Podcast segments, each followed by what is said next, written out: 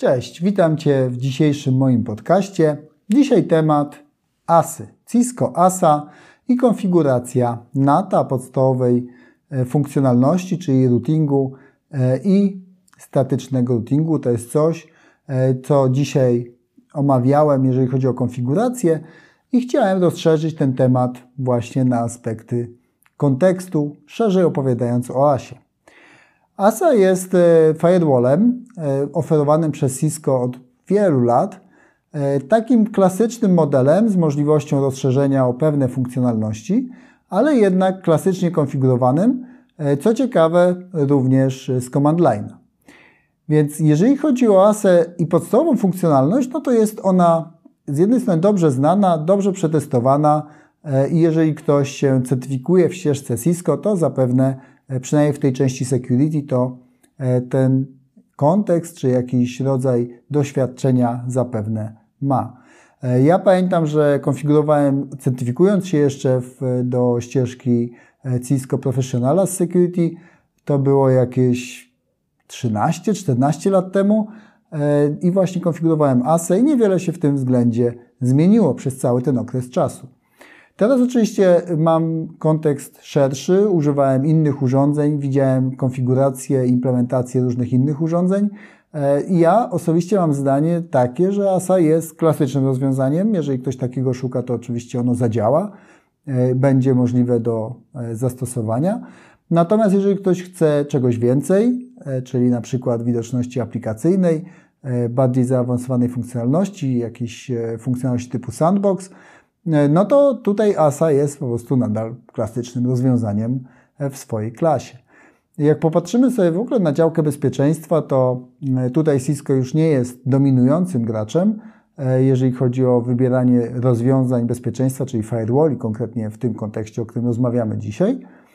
Więc warto się zastanowić nad tym, dlaczego chcemy wykorzystać dany firewall, który jest lepszy i jaki wybrać. E, Cisco również wykonuje różne akwizycje, również firm z zakresu bezpieczeństwa e, i te różne firmy są również przynajmniej przez jakiś czas, jeżeli się nie przyjmą, w ofercie Cisco. Więc jeżeli chodzi o ten konkretny przykład konfiguracji, to najczęściej firewall się e, stosuje faktycznie jako tryb L3, czyli jako router. Cały ruch, który idzie od danej sieci, która będzie poddawana inspekcji, jest kierowany na gatewaya w postaci firewalla. E, I to jest powszechnie stosowany model implementacji, nie jedyny, ale często stosowany. No i na tym firewallu możemy różne zastosować funkcjonalności. E, akurat omawiany NAT na firewallu raczej widzę rzadziej, dlatego że e, no to oznacza, że mamy styk bezpośrednio na tym firewallu z vanem, więc jeżeli chodzi o większe organizacje, najczęściej to są e, podzielone firewall i podzielone strefy, czyli mamy strefę firewalli vanowych, e, mamy strefę e, tych firewalli wewnętrznych, no i ten NAT na tym zewnętrznym oczywiście może istnieć. Natomiast na tym wewnętrznym już to się spotyka raczej rzadko, aczkolwiek no, są różne wielkości firm i implementacji, więc w tych mniejszych firmach może takie zastosowanie również e, mieć bezpośrednio, będąc jednym firewallem zarówno e, na styku z internetem, z zewnętrzną siecią, jak i wszystkich innych systemów.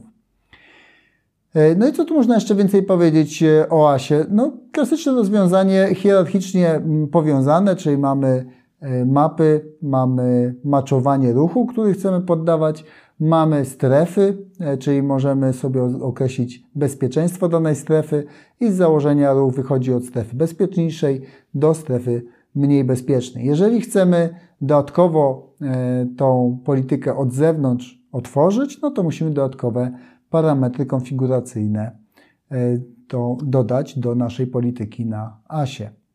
To jest zasadniczo tyle, co tu więcej można powiedzieć o klasycznym rozwiązaniu e, firewallowym. Jeżeli masz do tego jakieś pytania, no to oczywiście zapraszam Cię do napisania w komentarzu. Jeżeli byś chciał zobaczyć konfigurację, to ona będzie dostępna już w najbliższy poniedziałek.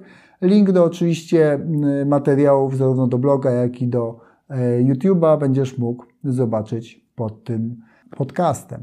Więc dziękuję Ci za uwagę i do zobaczenia już za tydzień.